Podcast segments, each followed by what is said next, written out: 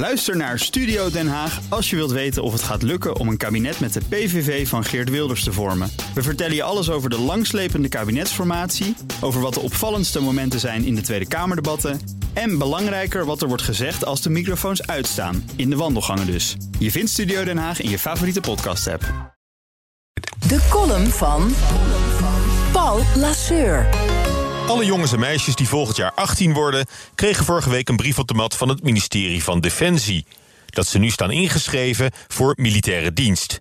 Het is slechts een formaliteit, want er is geen opkomstplicht. Maar de dienstplicht als zodanig blijkt dus nooit te zijn afgeschaft. Sterker nog, die is per 1 januari zelfs flink uitgebreid. Met de vrouwen. Wie bedenkt zoiets? Omdat wat voor mannen al een volkomen achterhaald fenomeen was, voortaan ook aan vrouwen op te leggen. In 2020. Dat is achteruit emanciperen. Gelijkstelling van militaire dienstplicht voor jongens en meisjes is een onzinnige maatregel die zich uitsluitend voltrekt in de kaartenbakken van Defensie en niet in de echte wereld. Als het alleen maar te doen is om gelijke behandeling van mannen en vrouwen, had je de dienstplicht beter helemaal kunnen afschaffen. In 1993 hadden we nog wel opkomstplicht. Net afgestudeerd kwam ik terecht bij de Koninklijke Luchtmacht. Een van de gelukkigen met een kantoorbaan. Op het hoofdkwartier aan de Binkhorstlaan in Den Haag.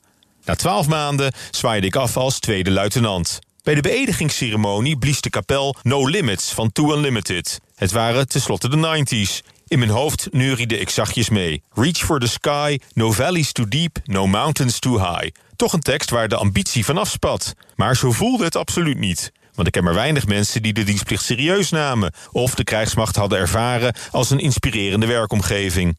Dat is nu ruim een kwart eeuw geleden. Van de dienstplicht kan ik me vooral herinneren... hoeveel moeite iedereen deed om er onderuit te komen. Gewetensbezwaren, zweetvoeten, allergisch voor groen... of het verhaal van een jongen van 1,99 meter... die twee weken in bed ging liggen... en zich horizontaal naar de keuring liet vervoeren. Hij bleek net genoeg te zijn gegroeid om te worden afgekeurd. De kans is klein hoor, maar wat als de oorlog uitbreekt en Nederland wordt aangevallen? Gaan we dan al die ongemotiveerde dienstplichtigen alsnog oproepen en als kanonnenvlees naar het front sturen? In deze moderne tijd heb je toch helemaal niets aan een leger van dienstplichtigen?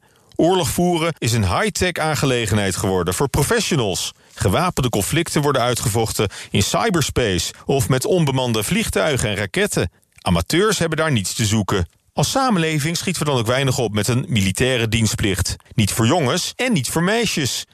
De dreiging van een pandemie is vele malen groter dan die van een inval door de Russen of Chinezen. Zaken als eenzaamheid en lage letterdheid richten veel meer schade aan onder de bevolking dan wapengeweld. Een maatschappelijke dienstplicht voor 18-jarigen is dan ook een veel beter idee. Dat zou best eens kunnen bijdragen aan solidariteit en sociale cohesie. Noem het gewoon een gap year en keer dus noods aan het eind van de rit 10.000 euro uit... als startkapitaal voor de rest van hun volwassen leven. Maar laten we ophouden met soldaatjes spelen.